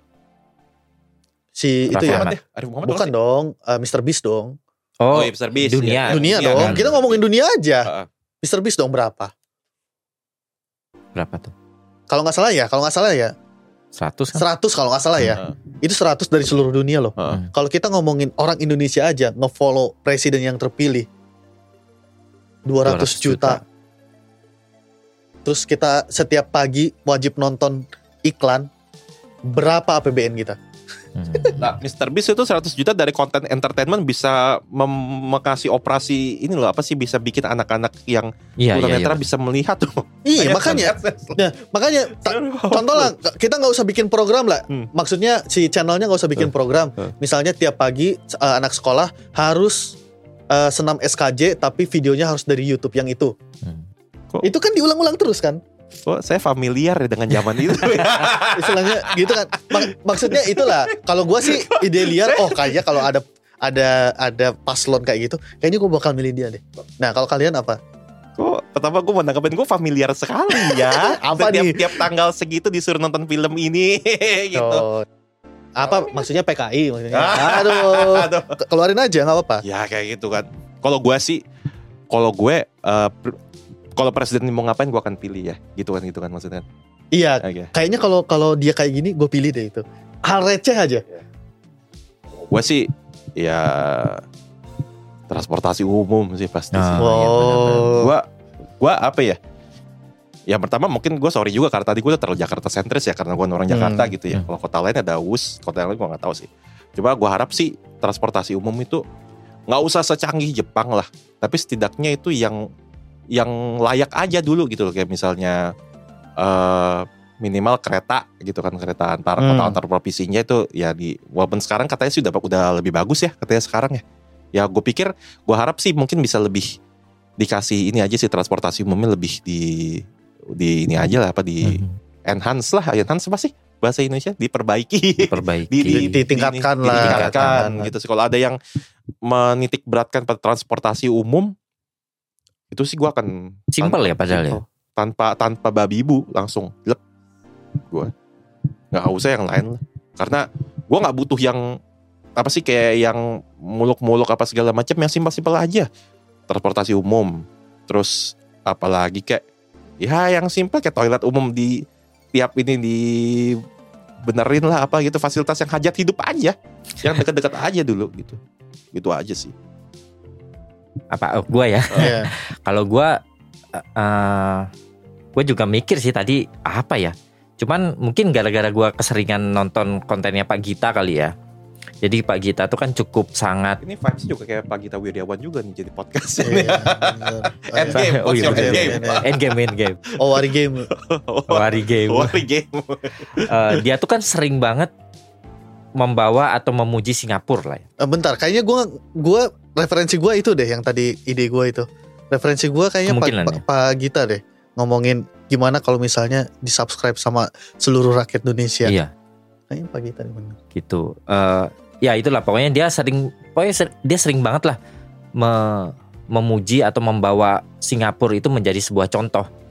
Cuman satu yang gua bisa tangkep atau gua ingat dari omongannya dia tentang Singapura bahwa di Singapura itu setidaknya eh, meskipun nggak punya resource apa pun itulah entah Hmm. SDM, SDA apa ya istilahnya eh, apa sih hukum eh, penegakan hukumnya tuh jalan. Jadi ketika penegakan hukum jalan itu semua itu jadi jelas gitu loh. Kita harus ngapain, kita bisa dipercaya atau enggak itu kan gara-gara hukumnya jalan atau enggak gitu loh. Nah, gua sih kemungkinan sesimpel eh, siapa sih yang pengen bener-bener gak usah ngomong-ngomong pembangunan dulu deh. Kita buat sistemnya di Indonesia itu rapi, penegakan penaga, penegakan hukumnya rapi dari atas ke bawah. Mungkin gua bakal pilih dia. Hmm. Berarti saya tahu ini ke arah mana nih paslonnya.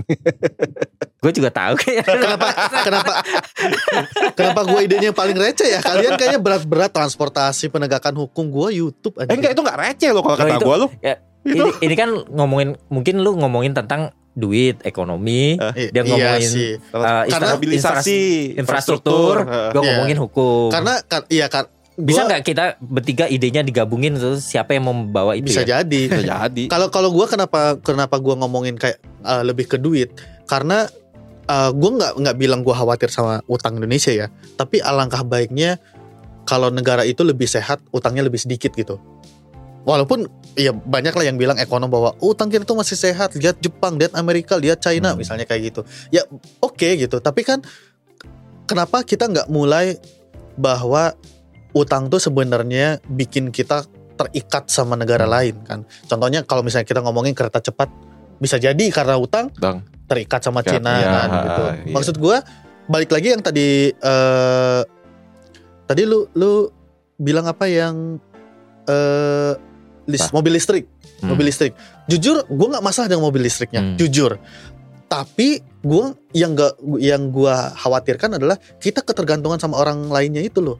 Hmm. Kalau gua lebih ke selama perubahan itu dilakukan oleh orang yang ada di dalam negara kita, Hmm. menurut gua it's okay. Contohnya kayak mobil apa sih SMK. SMK. Kalau menurut gua kalau kita ke mana tuh ya? enggak kalau misalnya kita ngomongin kita nggak SMK lah contoh yang orang tahu semua lah ya. Eh, gimana caranya biar negara negara atau rakyat Indonesia tuh lebih appreciate sama eh, pekerjaan yang dilakukan di Indonesia Hmm. gitu kan. Kenapa? Karena gua berkaca sama Jepang. Terutama perusahaan lah. Monosyukuri ya? Apa Ah. sih namanya? Ya bikin sesuatu lah. kita lihat itu bagus. Kalau kalau gua gua ngerasa ya orang Jepang itu kita ngelihat itu bagus. Contohnya Shinkansen. Shinkansen kan originalnya bukan dari Indonesia kan? Eh da- bukan dari Jepang kan? Dari dia ngikut Jerman sih ingat gua. Hmm. Atau misalnya ngomongin Tokyo Tower itu bukan orang Jepang idenya Tokyo Tower tapi kan dari Eiffel, Eiffel, kan. Eiffel, Nah, kalau orang Jepang tuh kalau gua ngelihat apalagi contoh di perusahaan gua, ngelihat sesuatu yang menarik taruhlah buat bisnis, mereka akan coba mempelajari itu dan it's okay bikin melalui outsource. Misalnya taruhlah kita eh, sewa tenaga luar untuk ngerjain ini setidaknya kerangkanya jadi prosedurnya jadi eh, semuanya yang istilahnya untuk SOP-nya jadi itu baru kita tarik semua kita yang pegang semua kalau misalnya kita udah pegang eh, dengan tangan kita ya udah kita tinggal sebarin ke perusahaan lain Hmm. jadinya kita tuh nggak bergantung sama orang yang pembuat pertama itu tapi kita udah mendapatkan semua ilmu-ilmunya Hmm. termasuk eh, produk yang kita inginkan gitu sama makanya gue bilang kalau misalnya ngomongin SMK justru kita jangan ngejudge SMK itu jelek Hmm. tapi justru gimana caranya bikin In- malah invest ke sana. Iya, investnya le- le- lebih bagus. Jangan sampai ketergantungan sama orang lain. Itulah kenapa banyak perusahaan dari Jepang yang berdiri dan ada di mana-mana kalau menurut gua ya. Karena mereka tuh ketika melihat produk, oh ini kayaknya bagus. Hmm. Ya udahlah kita coba copy kita ubah dengan cara kita sendiri. Jadi deh ini produknya. Lu mau pakai produk gua silahkan gitu. Nah, kenapa Indonesia nggak ke arah situ? Kalau misalnya ngomongin, ya udah eh, asal jangan batu bara. Oh, selama semua transaksi yang ada di batu bara itu, gua nggak tahu ya transaksi batu bara kayak gimana. Itu masih ada di Indonesia. Menurut gua it's okay. Yang penting muter duitnya di Indonesia. Jangan sampai keluar. Kalau misalnya ngomongin Hmm. eh, transportasi umum, it's okay transportasi umum. Tapi kenapa kita nggak bisa bikin transportasi umum sendiri sih? Kenapa kita harus import bangkai kereta dari China atau dari Iya, Jepang ah, misalnya iya. kayak gitu? Kalau misalnya ada PT Inka, terus Iya. bilang, oh PT Inka nggak bisa kita bikin eh, kereta kayak gitu, ya udah istilahnya dipelajari, Pelajari. bikin di sini gitu. Ya, eh, Nah ujung-ujungnya adalah apresiasi orang-orang yang ada di luar negeri yang sudah ahli, tapi tidak dihargai di Indonesia. Menurut gua ujung-ujungnya ada di situ eh, ya kan kayak ngomongin LPDP lah. nah ya kan iya iya. istilahnya Gitu. kita kita nggak memungkiri bahwa orang yang. LP, LPDP itu banyak yang dalam tanda kutip ya Iya. gua nggak bilang semua ngakalin biar bisa kerja di luar negeri jatuh-jatuhnya Iya, ujung-ujungnya iya, iya. karena dengan pekerjaan yang sama kerja di Indonesia harganya berapa gitu kayak gue lah ngomongin software engineer gitu software engineer fresh graduate di Indonesia sama di Jepang jauh bro tapi ketika gue udah di Jepang lama-lama terus ah kayaknya gue balik ke Indonesia faktor pertama yang gue pikirkan adalah gaji gue berapa kali lipat turun daripada yang ada di Nah. Jepang Itu itu salah satu problem diaspora kayak begitu tuh. Banyak yang ini kemarin ini shout out buat Sam ya. Sam Sam ini apa? Frugal Living. Samuel Ray, anak kantoran. Kemarin kan dia ngadain itu juga tuh. eh, Oh, yang Oh, di Payu, di Payu, Payu. Ah. iya dia kan ngadain ini salah satu ada tuh postingannya tuh di ini. Lihat aja ya, dia tuh salah satu keresahan diaspora ya itu. Lu udah apa sih sudah membangun karir gitu ya. Balik ke Indonesia pun juga sih sebenarnya kita fine fine aja sih balik ke Indonesia Hmm. sebenarnya. Cuma Hmm. masalahnya satu apakah bisa ngikut nggak gitu dibayarnya layak nggak? Gitu. Iya, benar, Itu sih benar. yang gue harapkan juga dari gue setuju gue menambahi di bagian tuh sama Emmanuel itu untuk beberapa bagian yang sekiranya lu punya skill lu punya apa gitu tolonglah disetarakan aja lah jadi biar kita kita juga kalau balik itu ngerasa layak gitu loh Mm-mm. dipergunakan lah. dipergunakan dengan semestinya gitu loh ya kayak ya misalnya ya kayak software minimal disetarakan lah minimal ya nggak usah nilainya bukan berarti nilainya disetarakan tapi Hmm. maksudnya dengan nilai segitu sama nilai lu di Jepang ya lu bisa mem- bisa menikmati taraf hidup yang sama gitu Iya. loh. Gue ngambil contoh paling simpel lah ya, Ah, ah. istilahnya kayak teman-teman gue uh, can you say lah. Iya. Kita ngomong uh, nggak tahu ya ini apple atau apple to apple atau enggak. Tukang las di Jepang sama tukang las di Indonesia Jauh. jauh. jauh Tukang las di Jepang bisa bangun rumah di Indonesia, iya ya kan? Dia bisa freelance jadi apa pun di di di Jepang. Taruhlah misalnya kita paling banyak fotografi lah ya, gitu. Di sini tukang las bisa kayak orang kaya gitu, mungkin bisa bukan orang kaya lah istilahnya, dia bisa Sangat nabung lah. berkecukupan. bisa nabung untuk ngumpulin modal nyampe ke Indonesia. Tapi pasti di Indonesia nggak mungkin jadi tukang las dong. karena Pasti sesuatu yang lain dong. Tuh kalau- karena ya itu kembali lagi lu tuh nggak bisa value-nya beda gitu Betul. value-nya menurun jauh Gue nggak bisa Iya. nggak bisa bilang bahwa tukang las itu tidak punya apa ya bilangnya. ya. nggak punya inilah bukan berarti Prestis ya. bukan berarti kita menghina Iya, itu gitu loh Tapi kalau misalnya kita lihat tukang las di Indonesia, kita kan tahu image-nya kayak gimana Ah. kan. iya iya Istilahnya kayak gitu kan. iya Kita ngomong nggak ngomongin tukang las lah, tukang bersih bersih. Di sini tukang bersih bersih aja kita hargain loh, kita hormatin loh. Cleaning service. Iya. OB dan- OB Heeh. Gajinya jelas gitu. kebetulan gue yang bagian itu kan sekarang Nah, kan. Ya, coba kalau tahu lah jadi tukang bersih-bersih di Indonesia. Wah, gila. Gini deh, sebenarnya gini, kalau dibilangin eh ya itu kan kalau ngomongin sampai sejauh eh itu kan faktornya udah banyak banget ya istilahnya kan itu faktor ekonomi suatu negara kan juga mempengaruhi cuma at least at least gini eh kayak misalnya tadi kan contohnya tukang bersih bersih OB lah cleaning service gitu sebenarnya mereka itu juga di sini tuh gajinya segitu juga di Jepang termasuk termasuk nggak tinggi gitu loh. Iya. termasuk nggak tinggi Kalau di kalau orang Jepang- untuk orang Jepang, orang Jepang ya. ya nggak tinggi cuma layak gitu Hmm. loh Iya. Layak setidaknya hidup layak aman lah. aman Heeh. Kan perusahaan juga Ya, balik lagi dia- tadi secure ya. per- per- secure gitu. Nah, Indonesia bisa nggak ngasih yang secure kayak gitu? Nah, itu juga sebenarnya kalau misalnya ada tingkat ekonomi ada yang bisa berubah ke arah situ sih, wah langsung tanpa walaupun gue ya, walaupun gue yakin itu butuh perjalanan yang sangat Iya. panjang untuk bisa mencapai ke situ.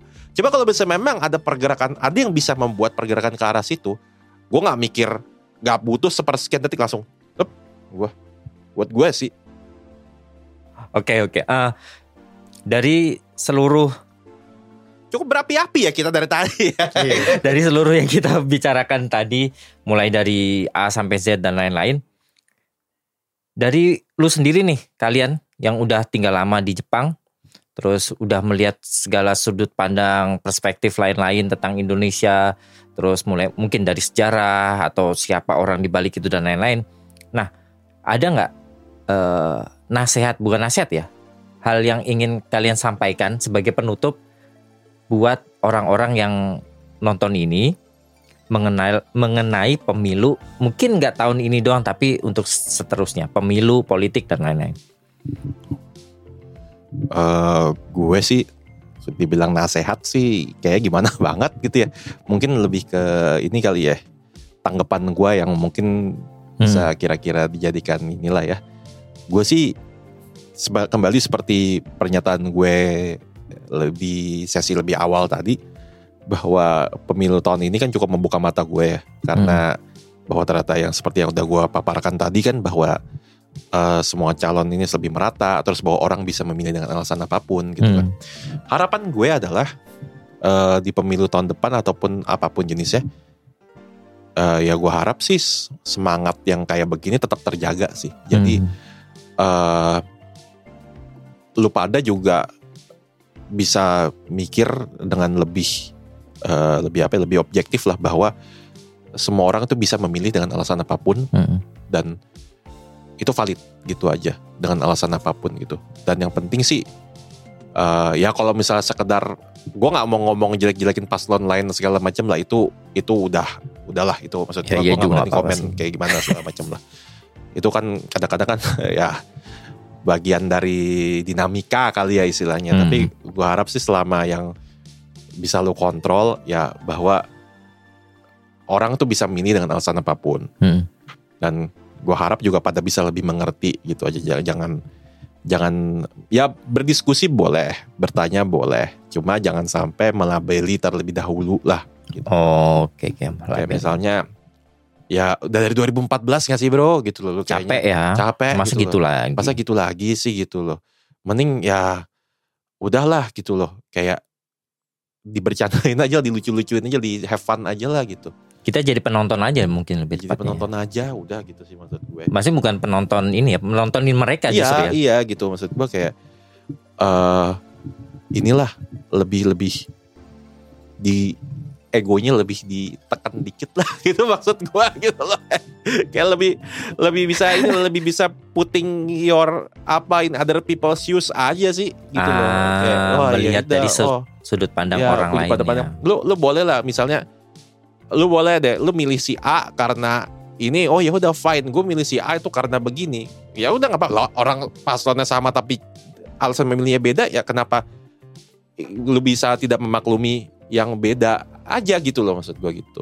Jadi ya lebih inilah lebih lebih rasional lah gitu istilahnya. Ya nggak sih rasional nggak sih ngomongnya apa? Bukan memilihnya tapi menyikapinya. Menyikapinya gitu loh istilahnya. Lebih menyikapinya aja sih gitu. Jadi ya kalau bisa sih jangan sampai ada perselisihan yang ditimbulkan dari polarisasi gitu sih kalau dari Hmm. kata gue gitu. Sih. Udah keep up. Kayak sekarang sekarang aja menurut gue sih ya gitu gue nih. Iya dong. Aduh. apa ya jawaban yang bagus ya? Enggak lah. Udah hati-hati banget lo ngomongnya. Gue sih nggak hati-hati sih kalau yang ini. gue bakal belak-belakan. Wais. Nggak lah. Kalau gue lebih ke gue nggak mau ngasih saran, tapi gue mau ngasih ajakan. Kalau milih tuh bertanggung jawab. Eh, jujur kayak tadi yang dibilang ini kan lebih berdinamika. Eh, semua Hmm. paslon punya eh, warnanya masing-masing lah. Mhm. Tapi eh, yang gue harapkan adalah siapa pun yang terpilih, misalnya taruhlah kita bertiga milih satu dua tiga taruhlah gitu ya. Hmm. Eh, ketika ada paslon yang udah terpilih, dukung. Hmm. Kalau ada yang eh, salah atau Kritik. iya kritik dan akui itu gitu. Jangan karena eh, "Eh, itu tuh tuh paslon lu tuh. Oh fanatik. Iya, paslon lu bego masa bikin kebijakan kayak gini gitu. Nah, Ka- kalau misalnya secara secara apa ya common sense itu salah, akui itu salah gitu. Oh Hmm. iya juga ya, kenapa dia kayak gini? Hmm. Ayolah kita kritik gitu. Hmm. Maksud gua bertanggung jawab tuh seperti itu gitu. Hmm. Jangan karena dia pilihan lu, dia jadi dewa lo lu gitu. nge-defend mati-matian Iya. gitu, jangan. Maksudnya, Hmm. Jujur gua udah nggak peduli siapa yang ke- kepilih Ah, sebenarnya, ah, ah. karena Hmm. balik lagi. Eh, gua memilih karena siapa yang eh, mewakili kepentingan gua. Masalahnya Hmm. belum ada sampai saat ini ya. Hmm. Jadi balik lagi jangan milih karena karakter tapi milih karena program kerjanya siapa yang Hmm. mewakili lu gitu kan. Nah, siapa pun yang terpilih tanggung jawab. Ketika yang terpilih adalah paslon yang kita pilih, ya kita harus tanggung jawab ketika dia melakukan sesuatu yang sebenarnya eh, secara common sense itu itu kayaknya nggak bener deh. Kritik lah gitu. Jangan Hmm. jangan malah Buta, nge- ya. ngebela gitu. Enggak kok dia kayak gini, dia kayak gini kayak gini. Jangan kayak gitu gitu. Itu juga salah satu penyakit sih. Ya itu makanya istilahnya kita fair-fairan aja lah gamenya Hmm. gitu. Ka- Kalau misalnya kita sudah bisa mendengarkan eh, atau bisa kita bisa menerima pilihan dari Iya, orang lain, iya. ya udah kita eh apa menerima juga apa yang terjadi nanti gitu. Iya, Jangan oh itu cuman beda satu suara itu kecurangan. iya, iya, iya, udah. Ya udah gitu ikutin ikutin aja apa yang terjadi dan kalau misalnya paslon yang lu pilih itu terpilih dan melakukan sesuatu yang secara common sense tidak benar, ya bantu kritik lah jangan jangan dibela gitu. Hmm. Itu aja sih yang penting bertanggung jawab aja kalau gue. Iya, jangan dikit-dikit presiden lu tuh kayak gitu loh. Iya. Presiden lu kan emang bukan presiden lu gitu kan? Iya, itu kan Tetap aja kalau lu Iya. masuk ke ruangan kelas presidennya itu itu Oh aja. sebalik sebaliknya kita pun yang pemi apa calon yang kita pilih nggak keterima, kita iya, pun iya, nggak boleh ngomong kayak Boleh. gitu ya. Nggak boleh. Malah karena bukan salahnya dia eh, dia berpikir Iya apa ya, dia melakukan itu ya Karena bukan kritiknya ke karena- sana bukan iya. ke sana. Bukan hasil demokrasi juga Hmm. kan. Hmm. Istilahnya ya kita main eh, fair game aja. Justru Hmm. kita kan di sini karena apalagi kita kelas menengah ya. Kita tuh rempukan bareng-bareng untuk iya dong. ya kan? Kayak bukan miskin tab. Kayak kayaknya kayaknya kelas menengah tuh suaranya banyak tapi kenapa nggak ada yang ini ya? Ya kan tadi NTB bilang Oh iya, benar juga.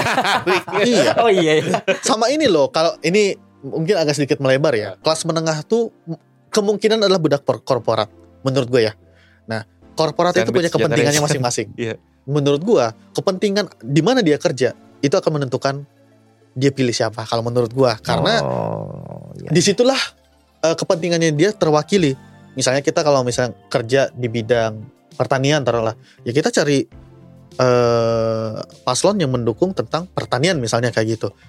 Menurut gua otomatis ke situ. Makanya eh, kelas menengah itu tergantung di atasnya dia tuh siapa kalau menurut gua sih. Bukan siapa yang bakal dipilih, tapi di atasnya dia tuh eh taruhlah misalnya kalau dalam kasus gua adalah eh, perusahaan gua misalnya perusahaan gua tuh di bidang apa? Oh ya udah di bidang inilah mana yang menguntungkan perusahaan gua lah itulah yang mungkin dipilih kalau menurut gua kecenderungannya ya.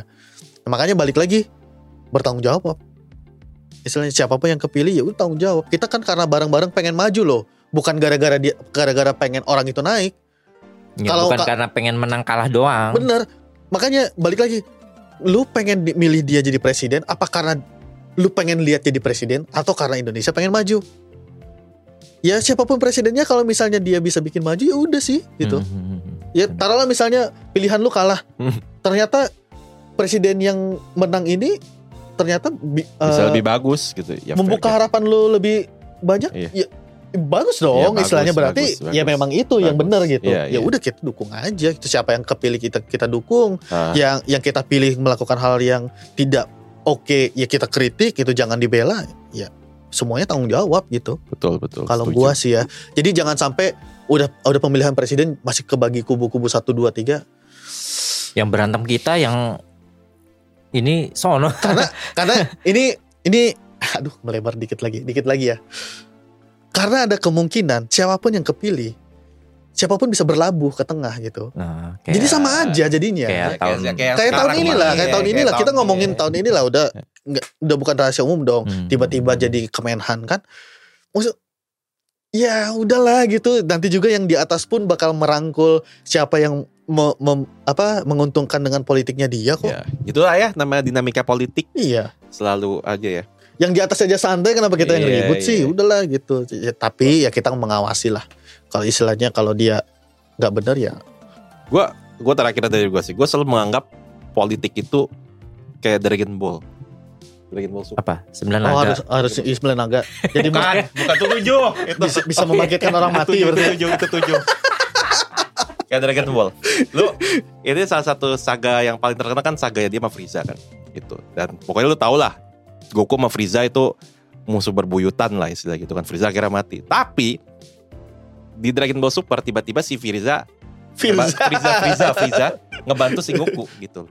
Yang di mana itu Ah, itu tidak episode mana? itu yang yang Dragon Ball Super yang baru-baru ini sempat ada viral Oh gitu. iya, itu setelah GT berarti. Oh ya, GT kan nggak dianggap gitu kan Akhirnya Oh, iya? ya itu non canon Nah super Oh. tiba-tiba si Frieza datang gitu Pokoknya cuplikannya aja Goku sama Frieza Kayak mungkin sebagai eh, brief brief doang ya Kayak ini tapi 20 tahun yang lalu lu nggak pernah kepikiran kan itu berdua bakal berkoalisi. Nah, Iya. politik tuh kayak gitu. Santai Nah, aja. makanya. Udah. Makanya politik tuh bukan siapa yang baik yang benar, siapa yang me- ya memiliki kepentingan. Iya. kepentingan, kayak jadi gitu. Udah, Makanya- bisa terjadi. Santai aja. 2009 agak sedikit ketipu, tapi akhirnya belajar bahwa oh gitu tuh cara mainnya gitu. Never stop learning. Iya, makanya- gitu aja.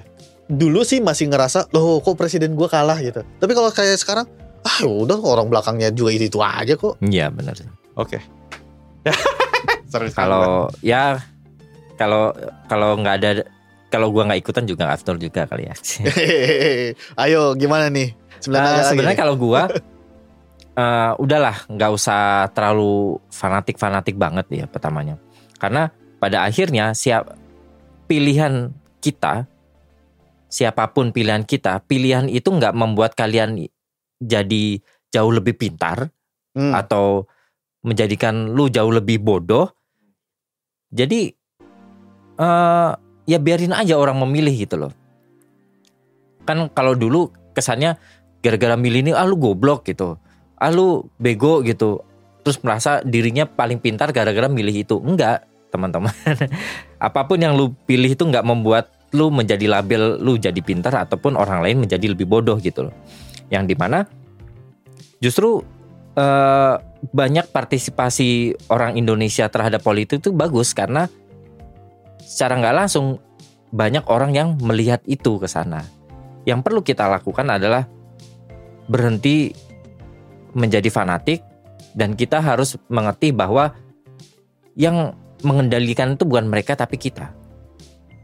Karena kita yang terus mengawasi mereka, siapa pun yang nantinya terpilih, terpilih kita harus tetap kritis, eh, jangan menyalahkan sesama, menyalahkannya ke sana gitu loh. Kita bareng-bareng nyalahinnya ke sana, bukan nyalahin gara-gara lu nih milih ini gini gini Jadi gini malah berantem Lah. kiri kanan ya.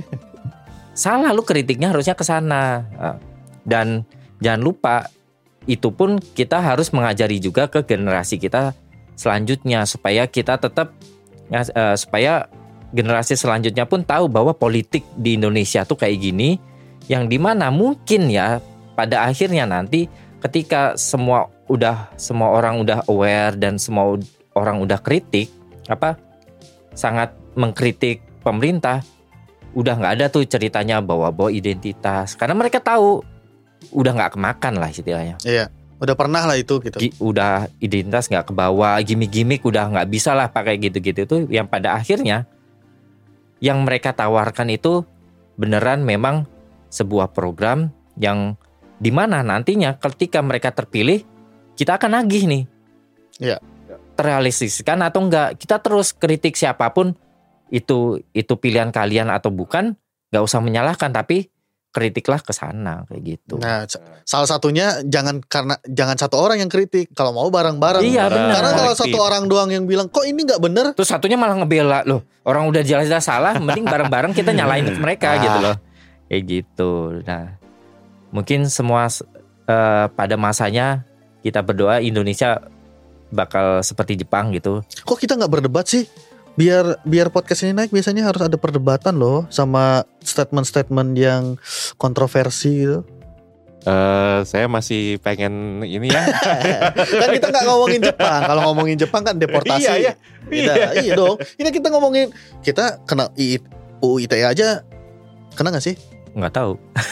Mungkin kalau pulang kena kali ya. Iya. Tapi kan kita nggak bilang siapa. Iya dong. Kita kan tidak menjelekkan siapa-siapa. Kita, Atau kita mulai dari sekarang menjelekkan nih. weh jangan over kamera matiin dulu Oh, tapi. iya. Suaranya aja. Suaranya ada. Nggak intinya sih ya kita berharap Indonesia lebih baik lah step by step aja. Stoik Iya. dulu aja ya. Sorry dulu.